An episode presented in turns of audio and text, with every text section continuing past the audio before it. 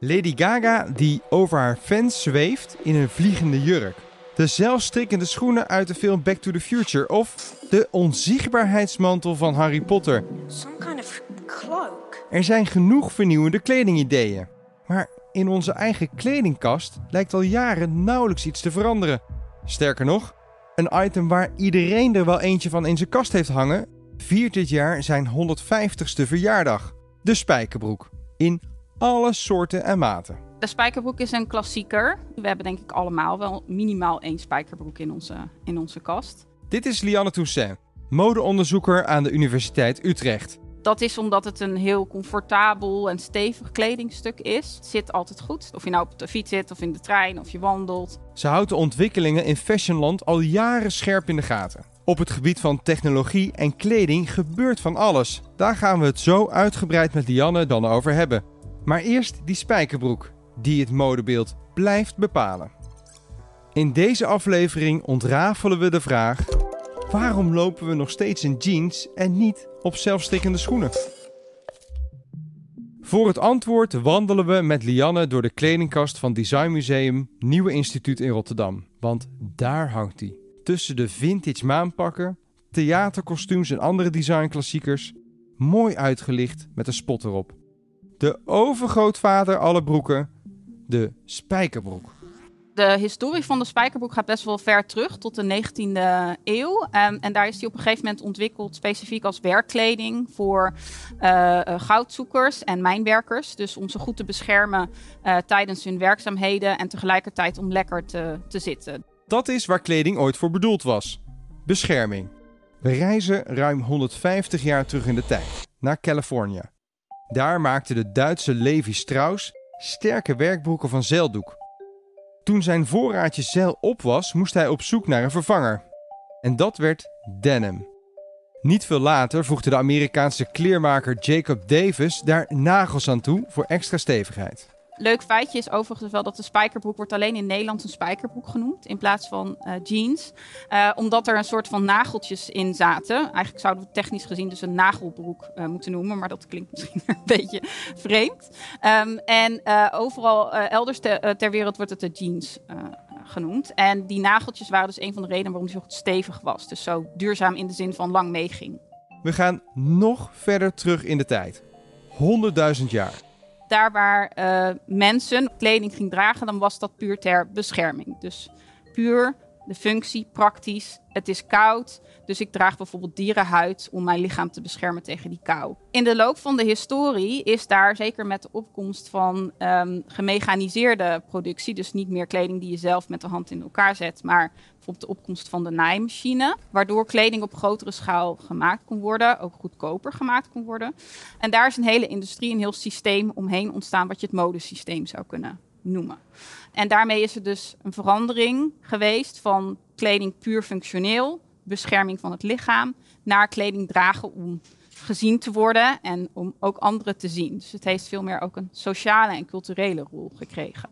En ook de good old spijkerbroek werd opgeslokt door de fashionindustrie en ontpopte zich van werkbroek tot modeklassieker dat wat uh, eh, 150 jaar geleden ontstaan is als een soort van het klassieke ontwerp, daar is eigenlijk vrijwel niks aan uh, veranderd. Als je kijkt naar de mode-industrie die vervolgens die spijkerbroek um, geïncorporeerd heeft om daar een mode-item van te maken, dan zie je dat er inmiddels talloze ontwerpen op de markt zijn. Flared, skinny, mom jeans, boyfriend jeans, high waist, low waist, uh, met zakken, met stretch, met scheuren, met gaten. Allerlei ontwerpen zijn er. Dus die variatie iets nieuws willen aandoen, er anders uit willen zien. Um, dat is iets wat we ons toch een soort van um, uh, eigen gemaakt hebben. Wat in ons hoofd is gaan zitten als een belangrijke reden om kleding aan te schaffen en te dragen. Sterker nog, de industrie is er steeds meer op ingericht en verdient steeds meer zijn geld door veel goedkope kleding te produceren, die dus niet van goede kwaliteit is en helemaal niet gemaakt is om lang mee te gaan, maar juist om uh, iedere keer weer de vraag naar nieuwe kleding te versterken. Die modewereld draait dus vooral om steeds nieuwe kleding. Nieuw, maar niet vernieuwend. Wie echte innovatie wil zien, moet naar een klein niche-onderdeel van de kleding- en modeontwerpwereld kijken.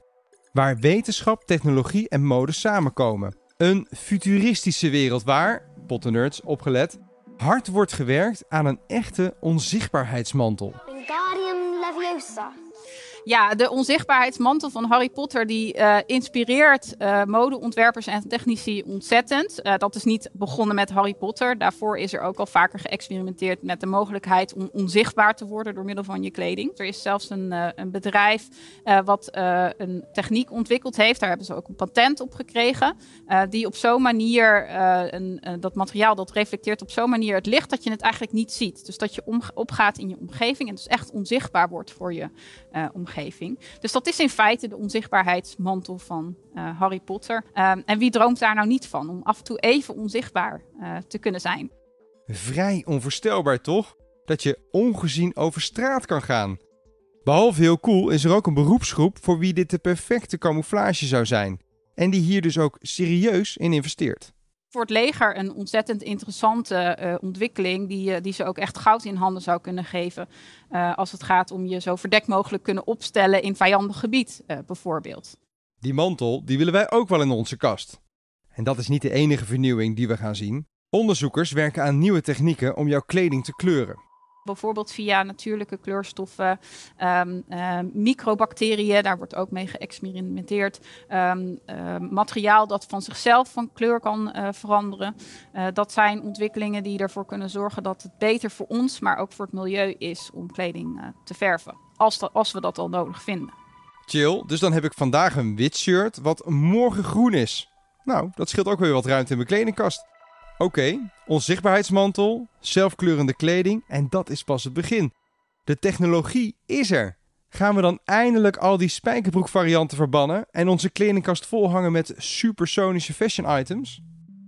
Ja, ik denk dat op dit moment de innovatie vooral zijn weg vindt naar bijvoorbeeld werkkleding of een specifieke doelgroep, professionele setting. Maar dat er zeker wel genoeg reden is om te verwachten, al kan ik natuurlijk niet in de toekomst kijken, um, dat een aantal van deze ontwikkelingen hun weg naar de straat en onze kledingkast gaan vinden. En ik denk dat juist deze innovaties ons kunnen laten nadenken over en misschien ons ook als consument kunnen veranderen richting een ander soort kijk op kleding en gebruik van kleding. Kleding letterlijk er meer voor over hebben, bereid zijn om wat meer te betalen voor kleding, juist omdat het langer meegaat, omdat het van zichzelf van uiterlijk kan veranderen, omdat het beter geproduceerd is met aandacht voor het milieu.